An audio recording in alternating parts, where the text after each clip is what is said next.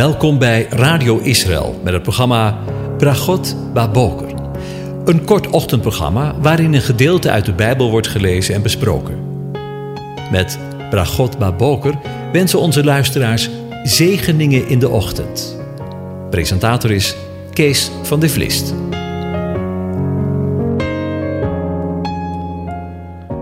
Goedemorgen, Bokatov, beste luisteraars. Vanmorgen gaan we weer verder nadenken over Psalm 104.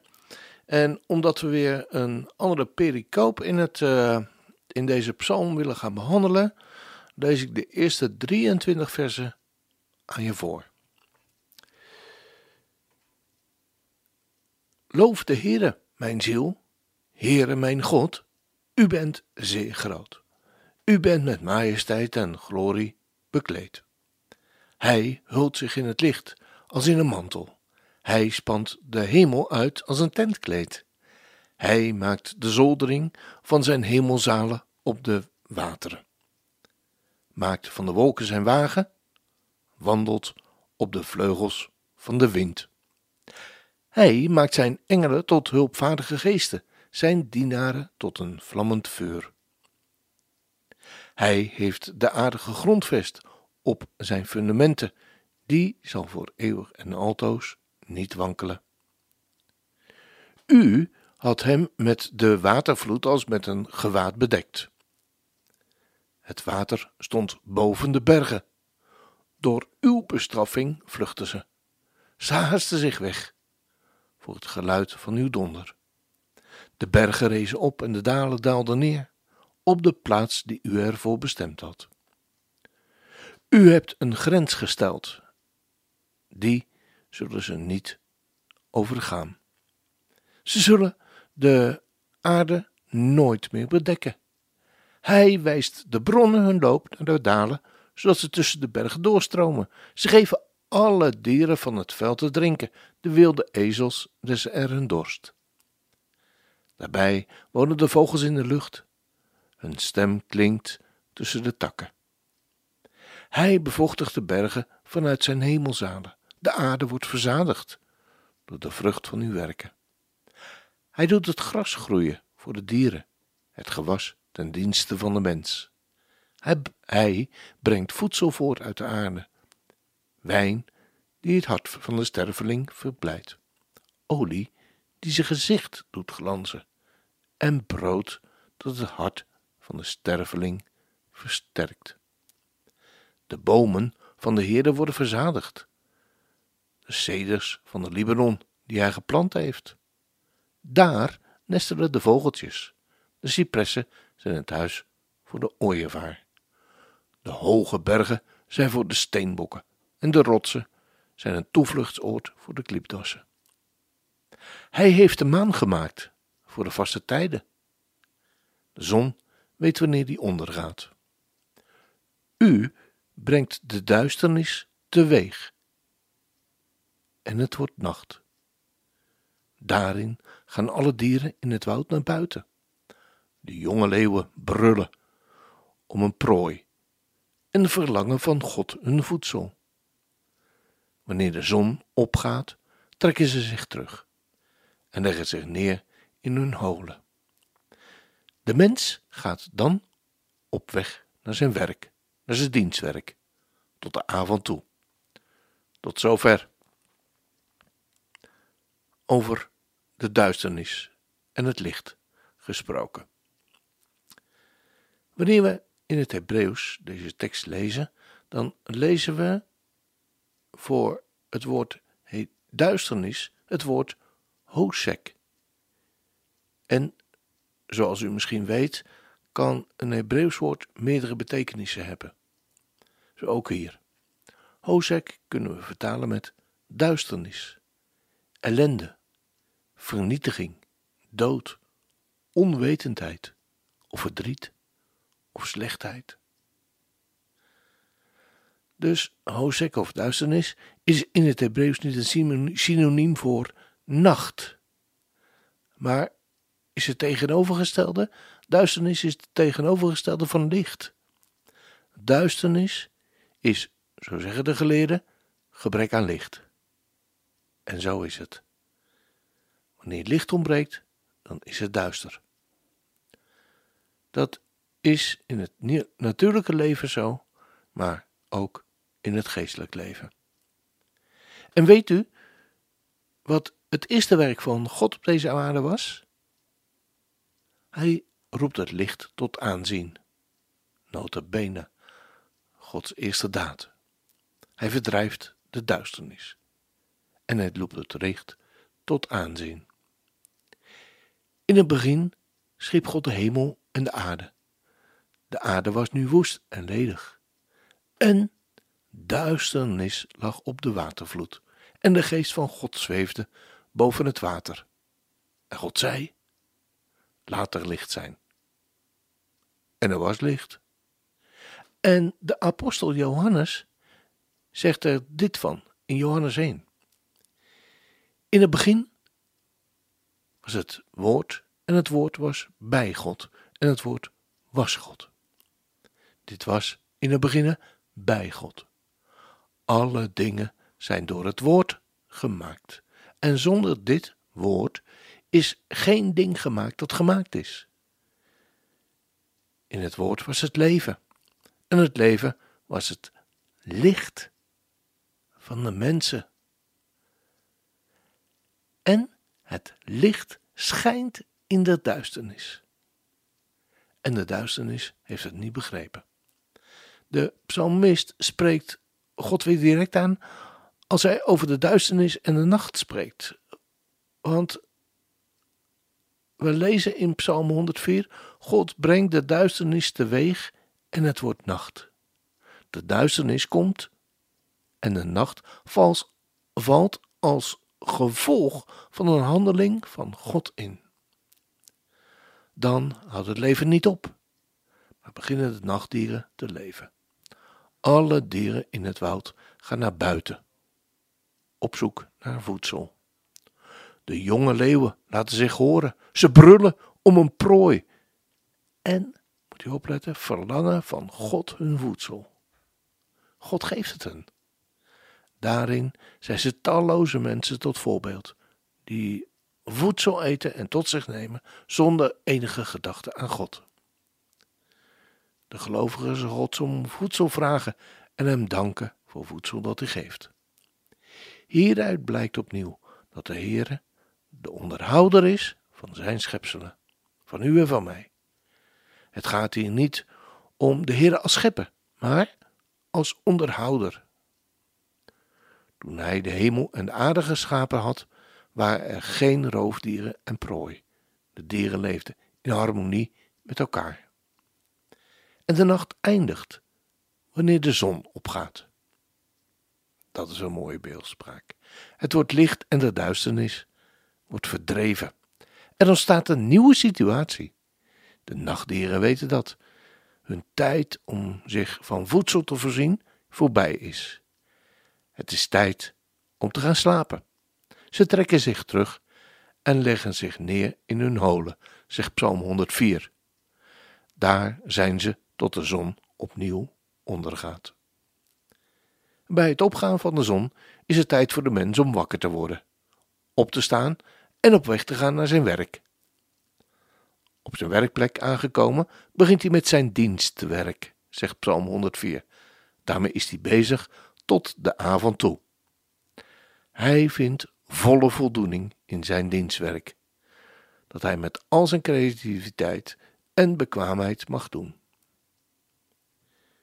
Weet u, wanneer we Psalm 104 zo lezen, dan zien we Gods grootheid en majesteit in de natuur, als schepper en onderhouder van zijn schepping. Wanneer we de psalm aandachtig lezen, dan zien we dat de psalm de volgorde van de scheppingsdagen aanhoudt. Maar ik hoop dat u samen met mij ook het onverwachte ontdekt hebt. Dat er een diepere laag, een geestelijke laag in, psalm, in de psalm verwoord ligt. Ik heb geprobeerd daar op verschillende plekken iets over te zeggen.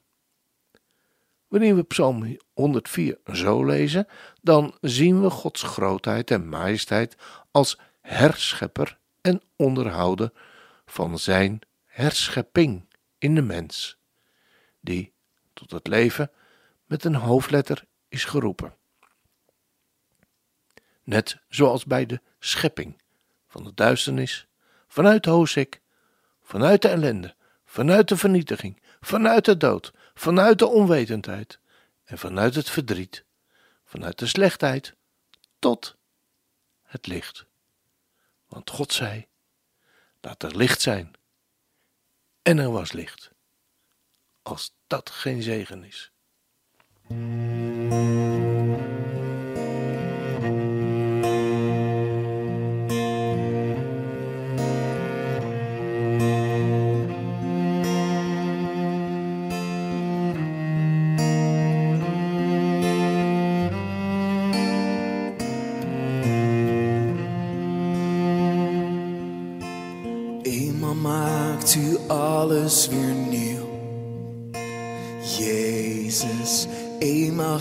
U iedere wond. Heel de oude wereld voorbij, de pijn voorbij. Eenmaal maakt u alles volmaakt. Jezus, eenmaal zal het duidelijk zijn. Alle zorg en wanhoop verdwijnt, de angst voorbij.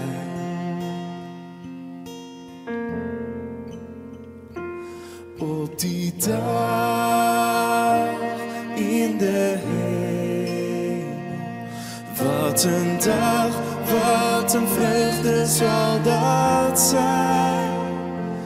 Dan zijn wij bij Jezus en klinkt het overwinningslied.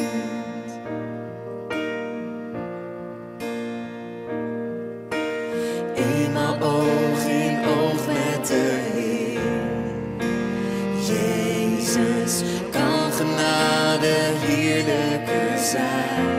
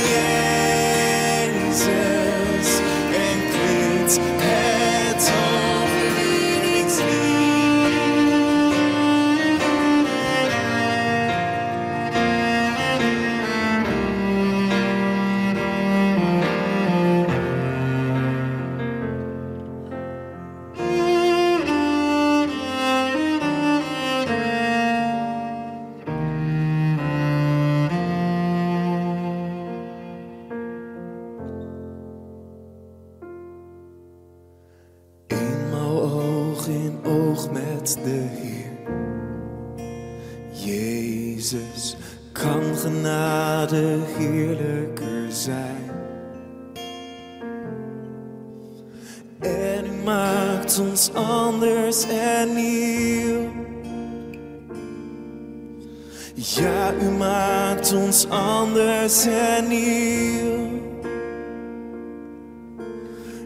maakt alles anders en nieuw op die dag.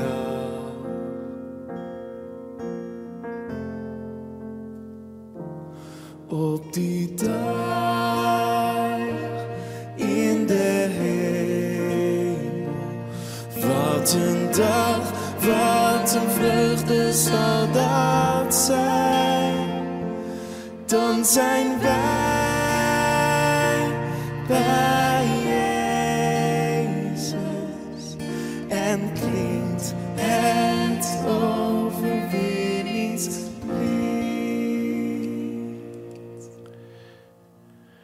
Ja, ehm, als je zo naar dit lied eh, luistert, misschien wel meezingt. En eh, ik weet niet hoe het dan met u is, maar dan ontstaat er bij mij een ongelooflijk verlangen naar die dag. We zien wat er hier allemaal in deze aarde of, plaatsvindt. Wat een, wat een strijd en wat een verdriet. Misschien soms veraf. En raakt het misschien niet zo, maar soms ook dichterbij. Ja, dan, dan ontstaat er een liefde en een verlangen om naar die dag uit te zien. Misschien vandaag. Misschien eh, binnenkort. Ik eh, moet elke keer maar weer denken aan die, eh, die man die samen met zijn zoon naar het ziekenhuis ging om een uitslag te halen van een onderzoek wat had plaatsgevonden. En terwijl ze daar in het kamertje van die arts eh, kwamen. En toen zagen ze het eigenlijk al aan de, de gezichtsuitdrukking van, eh, van de arts. En de arts die zei tegen hem: Ja, meneer, ehm, ik heb een ernstige boodschap voor u. Ehm, en er is ook niks meer aan te doen. U zult binnenkort gaan sterven. Waarop de oudere man zei: Joh, u had me geen betere boodschap kunnen geven. Wat daar verlang ik al zo lang naar om de Heer te zien, van aangezicht tot aangezicht. Ja, dat, eh, daar moet ik elke keer aan denken als, eh, als, als, als wie weet, eh, vandaag, misschien morgen, misschien overmorgen, misschien volgende maand. We mogen uitzien naar Hem, elke dag opnieuw, ook vandaag. Maar ondertussen eh, wil ik afscheid nemen van u. De Heer zegene en hij behoedt u. De Heer doet zijn aangezicht over u lichten, ook vandaag. De Heer verheft zijn aangezicht over je en geeft je zijn vrede, zijn shalom. Amen.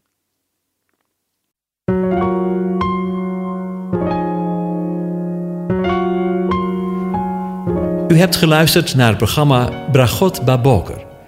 Een kort ochtendprogramma waarin een gedeelte uit de Bijbel wordt gelezen en besproken. Wilt u het programma nog eens naluisteren, dan kan dat. Ga naar radioisrael.nl en klik onder het kopje radio op Uitzending gemist.